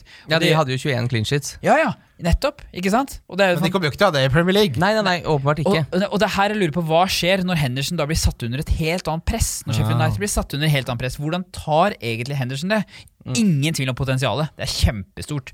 Ingen tvil om at han gjorde en god jobb i fjor. Men hva skjer når han virkelig blir satt under press, som han ikke ble i like stor grad i Championship? Det er da jeg lurer på hva som skjer, og det er det som gjør meg usikker. Og I tillegg så kommer han jo ikke til å se et save point før juletider. Nei, men jeg tror da. Jeg, jeg føler meg ganske sikker på at han kommer til å redde en straffe i løpet av sesongen. Men, men det der å spekulere i redde, strafferedninger For Nei, han har det redda én straffe forrige sesong. egentlig. Det er jo sånn å ha en Det er skudd- lotto. Nei, men å ha en skuddstopper på et lag som eh, altså Sheffield United kommer til å slite defensivt, helt åpenbart. Uh, og, men redder han en straffe, så har du en clean ekstra i boksen. Da, så, Ja, eh, og det er ikke så stor sving i, i keeperpoengene uansett. Nei. Så Nei, men jeg, jeg kan absolutt være med. Altså, han, har, han har forutsetninger for å lykkes. Så absolutt. Jeg bare sier Nei, men jeg kanskje han ble skutt i hjel når han endelig får skudd. Han bare eh, salte som Men da, her kommer det altfor mange skuddtrener! Nei, men jeg skulle, jeg skulle ønske Berit, du må komme og hente meg. Du ser på en del av de keeperne, sånn som Sam Johnson da i West Bromwich. Han er helt i toppen på redninger. Du ser at Når han får det trøkket på seg, så tar han det nivået med en gang. ikke sant? Og Det gjør Pope og det gjør andre keepere også. Det kan godt hende han er en sånn keeper. Etheridge også gjorde det. Men Det Han har vet vi ikke, og den usikkerheten vært- ja. vil jeg ikke ha. Da tar du heller Ryan eller Pope! Og de, de, de, de veit Ja, da blir det Ryan, de vet du står der når du virkelig trenger dem. da Men, Mm. eh, men det er jo eh, sånn som de, både de midtstopperne og bekkene og sånn kan jo være interessante også. altså Og så kan man jo potensielt altså Det skal jo kjøres et wildcard eh, på et tidspunkt her. Også de fem første kampene er jo helt ok, så kan man jo da potensielt gå over på Pope. Eh, fordi histori historisk sett så tar jeg jo wildcard eh, i løpet av de Her skal vi strukturere wildcardet etter keeperen til Sheffield United. Nei, men jeg vet jo med meg selv at jeg kommer til å spille Jeg jeg kommer ikke til å sitte altfor lenge med det wildcardet. Det, kan, det ryker nok antageligvis kanskje allerede etter landslagspausa. Da har vi kommet til Aston Villa. Oi, oi, oi, vi hoppa over Norwood. Hæ? Hoppa over Norwood? Nei, ok, snakk om Norwood. Nei, da, vi kan, vi kan Ja, kom igjen. Nå, ja, men fordi Bolken kommer nå, nå skal vi snakke om Villa. Vi Vi, går vi til tar det bakfra. Vi har, vi har snakka om heaten allerede. Eh, bra kampprogram på Villa, må det sies. Første kampen er jo selvfølgelig Spurs eh, borte. Eh, ikke ideelt, det, men etter det så er det grønne, fine kamper fram til ca. Gameweek 8. Er vel. Ja, Kjempefint program.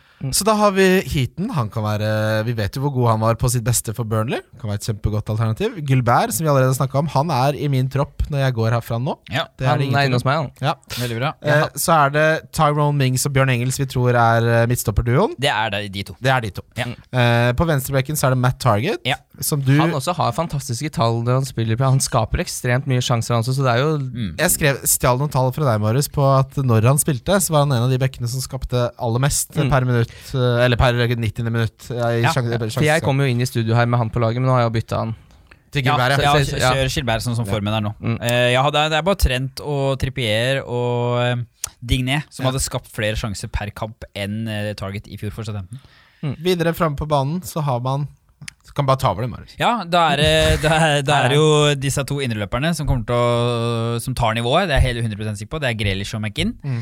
Og så har du eh, Louise, som kommer til å ta den defensive midtbanespilleren, men kommer til å starte fra første kamp. Kommer til å være Hurrihan. Mm. Altså kommer han til å fases ut og heller være backup for McInn og Grealish. Så er det en del som lurer på eh, McInn og Grealish. da Hvor, hvor bra fantasyvalg er det? Mm. McInn eh, er dessverre ikke et fantasyvalg.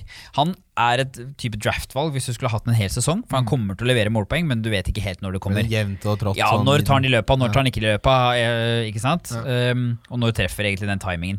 Grealish er hele bindeleddet i Villa. Han er her i hele Villa, men han er gjerne typen som Dersom på en måte kampplan A ikke går, så er kampplan B å gi nærmest ballen til Grealish, og så, så skaper han noe. Ja. Han, han er en veldig type som spiller både veggspill og alt sammen, så det, han ender veldig ofte opp tredje sist, og du ser veldig ofte han ikke tar de løpa inn i boks. Så jeg ville holdt meg unna Grealish fantasy-messig, selv om han er hele Villa. Så har du de tre på topp, hvor det er eh, El Ghazi, Hota og Wesley. Hota har et bra tall i preseason. Hota har vært eh, Villas beste i preseason. Ja. Er egentlig kjempespennende. Eh, El Ghazi eh, tror jeg kommer til å bli fasa ut eh, for 3CG. Så jeg tror 3CG og Hota kommer til å være de to som spiller. I hvert fall sånn som nivået har vært det nå. Og så kommer El Ghazi til å krige litt med de to hele veien. Så her også er det vinger jeg ville holdt meg unna. For du vet aldri helt eh, når de faktisk kommer til å spille. Eh, alle tre er egentlig ganske likt i nivå per nå. Topp tre spillere fra Villa å ha på fantasy. Ja, og der kommer inn han siste, som jeg ikke har nevnt nå, som er Wesley. Ja. Eh, han har vært eh, utrolig god i, eh, i sommer, og han kommer til å være link-up-spillet hele tiden. Han kommer til å være mannen de skal sikte på. Han tar straffer, og han kommer også til å være sentral i spillet. Skåra 22 goller for Klubb Brygge forrige sesong. Ja, 22 goller, og har vel en 3-4 nå i, i sommer, og bygd seg opp litt selvtillit og ser veldig bra ut. Em, og så har du Gilbert. Ja. Em, så det er, det er Wesley og Gilbert jeg kommer til å starte med. Ja, samme. Eh, Eller ikke samme på her, men ja. Og så, be, og så benker jeg Gilbert og spiller han kanskje som en sånn backup. Eller noe sånt. Ha, altså det blir Wesley jeg kommer til å spille. Ja. Og så er Det sånn, men det går an å vurdere sånn som heaten og sånn, men der velger jeg for, fortsatt Gilbert foran. Så Ja, det er flere Du kan ikke ha dobbel bak, kanskje? Det blir Nei, jeg vil ikke ha egentlig dobbel verken øh, offensivt eller defensivt, egentlig. Ja, Deilig. Da har vi fått tatt uh, gjennomgangen. Eh, Mm. Kan vi, vi kan spørre litt sånn generelt også, da, når vi sitter med kunnskapen her. Hva tenker du om, eh, om dobbel Liverpool bak eh, i år, f.eks., som veldig mange går for? Jeg synes, eh, For min del er det veldig veldig, veldig fristende. Ehm, og igjen, altså Trent og, øh, og Robertson er de som frister meg. Det er den Ja. typen fantasy-spiller jeg er. Uh, Van Dijk eh, kommer til å sikkert gjøre det like bra som begge de to, vil jeg tro. Så det er en sånn uh, hvor jeg grenses litt av hele tiden. Jeg er ikke helt sikker på hva jeg gjør, men jeg tror når vi kommer til seriestart, at jeg kommer til å både ha Robertson, Trent og Salah. Jeg, kunne, jeg finnes ikke i tvil. Jeg. Jeg så noen som bare ja, De har sluppet inn mye i preseason. Nei, nå, Nei, det har ingen- nå må nei, folk nei. seriøst Men våkne det er, det, er, opp, det, er altså. det, det er det stikk motsatte av å ha troa på en spiller som gjør det bra i preseason. Så må man heller altså, Ja, En dårlig preseason har ingenting å si. De kan gjerne tape 9-0-9 kamper, for alt jeg bryr meg. Akkurat fra sånn som at Everton ikke skårer mål, det, det syns jeg er mer eh, å ha i bakhuet enn ja, og de har jo ikke hatt en spiss heller, så det at de har kjøpt en spiss, har jo mye å si der. Eh, Men ja, nei. Eh, Det er deilig at Marius eh, tenker likt som meg der. Ja, altså, altså, Den som er i hvert fall først på blokka, det er Trent. Ja, for min er del. samme, samme. Så jeg må, jeg, bare følge, jeg må bare følge med på litt sånn hva, de, hva som blir sagt rundt kampen, og sånn, med tanke på at det er så tett med kamper. Men han er, viste det nivået sitt i fjor, og de tallene hans er helt enorme. Så han, han må med for, for, på alle lag, altså. Det, det er jeg ganske klart på. Mm. Vi skal jo eh, nevne at under Love the Bet på Nordic Bet så kan man spille på hvem av meg og Kim, blant masse andre morsomme spill, som kommer til å vinne Vinne fancy i år. Ja, hvor vi havner eh, også. Ja, hvor vi havner Det er mye varianter under Love the Bet. Alle Alle Mm. Triplene våre på Norgepet kommer også til å komme der. Ja, De ligger der som du fant trippelen i fjor. Ja, på Love the Bet. Men Mm. du nevnte noe om at du skulle sette penger her. Ja, jeg, jeg, sa- jeg fulgte med på forrige episode her, Oh. med Arilas, og så tenkte jeg her er Kim på ferie, altså. Jeg- Ja, ikke sant, du merket det? Du Ja, merka det? det. Ja, altså, altså jeg, jeg, jeg, jeg, jeg sitter og jeg går, jeg går tur med ungen, Ja. og, så, og så hører jeg Mark Noble. Jeg blir så si Vet du, jeg slår av. Ja, men jeg slår, jeg slår av. skru deg av! Ja, ja, jeg skrudde jeg, Slett abonnenten! jeg skrudde av, og så, og så går jeg tilbake igjen, og så kommer Mark Noble en gang til. Og da blir jeg liksom Jeg blir nesten litt sånn Han kommer ikke til å starte engang! ja, og da satt jeg å yes, jeg er så glad jeg skal inn i studio. Ja, men hva, hva med alle andre som ikke skal inn i det studioet og få sagt dette? Så jeg gjør det for alle der ute. Alle der ute er sikkert en hel haug av folk på utsida her nå. Og som står Står med noe flagg og, og venter på deg. Nei, altså, Men samtidig, i dag så viser du at du er en liten formtopp igjen. Så Som med Henderson Hvem var best forberedt? i dag. Ja. Ja, det er, den er jevn, altså.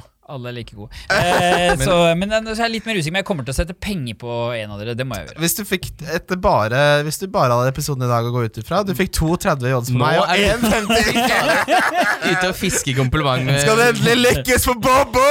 Mark og Dupp. Eh, da skal vi ta for oss faktisk eh, sesongens spillere for nedre halvdel. Bare sånn for å kjapt skyte inn det også, så Ja. må noen Man må kaste inn eh, litt sånn eh, artig pics for eh, at det skal bli litt liv i leiren her. Ja. Og da skal du ha Noble. Det er artig. Dritmorsomt. Ja. Mora hans syns ikke Noble er artig. Christian ble helt rød i øya da jeg sa det. Ja, jeg, bare- for, jeg tenkte, for jeg tenkte også at du kom til å si så mye For det er så mye bra spillere i Westham. Det er så Altså, Så de har 17 Nå er altså, Lanzini. som er interessante. Ja, nå sitter jeg med altså, Lanzini, ja. Lanzini og, og Fornals og ikke sant, Haller og altså, de, Du kunne valgt alle. Altså. Men det er sånn jeg så en, en sånn FPL Holly som alltid blir intervjua av det offisielle fancy, som hadde en draft hvor hun hadde Jorginho og Noble. Så var jeg sånn Hallo, nivå. Det er, nå må du komme deg på jobb. Uh, Sesongens spillere for nedre halvdel. Kaptein, vi begynner med deg, Marius. Hvem er din kaptein på nedre halvdel? Uh, hvordan funker det? Altså, det, er den, det er den spilleren du tror kommer til å få mest poeng av alle de lagene vi har gått gjennom nå. Ja, nettopp. nettopp, Jeg har min klar. nettopp. Ja, det er, ja, jeg har min klar, ta, ja. ta, ta den, dere. Jeg, Jeg er Ryan Fraser.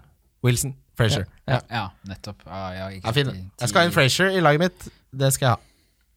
Ja. Jeg også går for Frazier. Ja. Jeg går for Frazier. Ja, Med det brennende flotte innlegget du hadde om han i sted, så måtte Ja. du jo nesten det. Ja, jeg tenkte enda lenger ned, men det er, jeg går for Frazier der, ja. Han er jo med i. Differential, altså en som er eid av under 10% Samme kriterier ellers.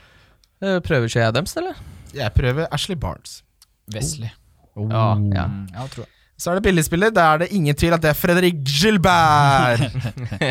Ja, nei, det er jo alltid en eh, pleier alltid å være en bekk på disse nyopprykkende lagene som, eh, som er noe å plukke på. Nei, nei, jeg, jeg er solgt, jeg nå. ja, jeg er solgt. Jeg også går for årets Docherty. Det blir Mm. Gilbert. Årets dotter, er- Jeg var litt redd for å si det, nemlig, men der kommer Og så er det sesongens donk på nedre halvdel. Delofeu her. Pukki. Ja, Pukki er fin. Jeg er innertier. Ja, da, da tar jeg sistemann. Det er Billy Sharp, som scora 30 mål eller noe sånt i eh, Billy Sharp, det er sånn navnet på en storskårer på 70-tallet som Ja, som pappa Det er fra, snakker om. Det er fra Boink-bladet. Ja, ja, Husker du ikke Billy Sharp? Bill, Billy, altså, så setter jeg på Bohemen. her, husker, vet du om Billy Sharp? Nei. Nei, Nei, ingen. det vet jeg ikke. Ja. Eh, minner om at vi har en åpen liga hvor du kan vinne en fotballtur neste sesong med fly og hotell inkludert. Det er også i samarbeid med NorgBet. Den er åpen for alle. Vi legger ut ligakoden på Twitter. Ja, det er bare å gå og hente den. Bare gå og hente den. Uh, da har vi kommet til veis ende. Er vi ferdig? Ja, er vi ferdig? Det var en fornøyelse. har vi noe mer? Altså, vi, her må vi benytte oss av Nei, nei Du skal ikke ha noe mer barn nå på en stund? Nei, jeg skal ikke det. Jeg skal ikke det. Da må jeg jo tilbake igjen i alle laga. Så, så jeg, det, det kommer en sånn egen pod hjemme fra stua nå i kveld, men jeg bare tar alle restene. Ja. Nei, det fantastisk. Dette var moro. Ja, men hva, har, du, har du noe mer for de topp ti-lagene da, som du syns er interessant å nevne? Fordi Ja. vi skravla oss jo gjennom den uh, forrige gang. Ja, ikke sant? Å, ta det på sparket her nå. Um, Ja, takk. Hvis du har en sånn brannfakkel som du merker enten, jeg tenker, enten en tendens som har irritert deg, eller Ja. eh, noen spiller du vet du vil ha, eller noe som er veldig spikra i ditt sinn. da Så, så, ta, ta fra Chelsea, kanskje, da, som er den mest eh, lukka boka av de topp Ja, altså, seks-lagene. altså en, en som har irritert meg, da, for eksempel, eller ikke irritert meg, men som jeg har sett han litt, og det er sånn som Tsjetsjenko. Eh, mange eh, tenker altså at han er en Han er utrolig spennende, for han er offensiv back i City, men han er en helt annen type enn Mendy. Han er en innoverback som ikke skaper noen ting, som ikke har ut noen ting i, i 16-meteren. Jeg så på berøringen hans, han hadde under én berøring i 16-meteren per kamp. Eh, han skapte Eneste som skapte mindre i City, det var Stones. Eh, for siste halvdel i fjor. Så du kan liksom tenke at ok, han møter opp, det er greit nok, men han, du vet ikke hvor lenge han møter opp heller. Altså, men de kan ta den plassen. Men de kan ta den plassen, og, og du vet jo det skadegreiene hans det kan plutselig vare mye lenger enn der. Men du får ikke Zinchenko er ikke en sånn 5,5 superback i City. Han er en, eh, en defensiv back, innoverback. Eh, hvor kantene kommer til å ta det rommet Mendy vanligvis tar. Det er derfor ikke Mendy og Sané for eksempel, passer sammen. Mm. Og i tillegg så er det usikkerhet rundt han. Ja, og der, eh, der har jeg en ting, skjønner du. Fordi at eh, jeg kikka litt på det, og, og han er litt sånn uh, hatt i, i dette her, og jeg er ikke helt sikker på den ennå, men Walker hadde veldig fine tall på slutten av sesongen i fjor. Han kom litt, grann. han har fått mye pepper nå i sommer også, og jeg har sett flere videoer med han og Pep, hvor han får beskjed om at han må uh, gå langs dørlinja langt mer og slå inn mer. Så han koster seks millioner, han kommer til å spille alt, og han er langt mer offensivt enn venstrebekken.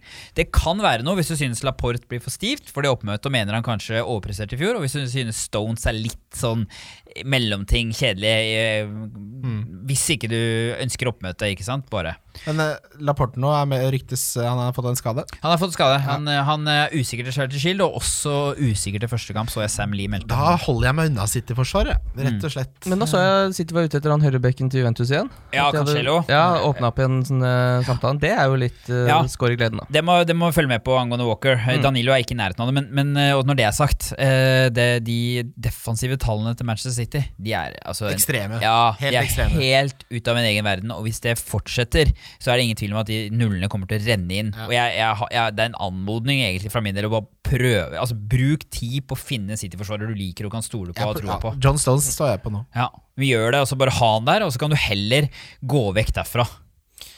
Da, gutter, Ja. Har vi kommet til veis Nå ende. må vi gi oss. Nå skal jeg spille biljard og drikke øl. Ja. Uh, Marius, det, ja. for en fornøyelse og en glede å ha Ja, deg. dette, var, du, er, eh, eh, dette var saken. du er fancy-ekspertenes fancy-ekspert. Jeg er engasjert i dette her, altså. Så, Det, er- det, skal- det er jo jeg òg! Ja, ja, ja, ja. Og det er Kim òg, eller? Ja, jeg, jeg håper- Komme deg på jobb! Jeg håper du starter sesongen med skikkelig feilskjær, sånn at vi får Bobo i år òg. Tenk deg hvor uutholdelig jeg blir når jeg leder med Mia. Det kommer ikke til å bli hyggelig, det studioet her. Dere skal, dere, skal ha flere, dere skal ha flere episoder før sesongstart òg? Ja, vi skal Ja. ha Jonas Berg Johnsen. Ja. Uh, han uh, spiller vi inn med nå neste tirsdag. Og etter det så har vi med Lars Sivertsen. Oi, for en start. ja da. Så da får vi se hvem det blir til eh, runde tre. Ja, det har vi ikke bestemt oss for ennå. Uansett, husk å spille på Norgepet. Ha det. Ja, det, ja, det. Wildcard FC. Wildcard FC. Wildcard FC. Wildcard FC.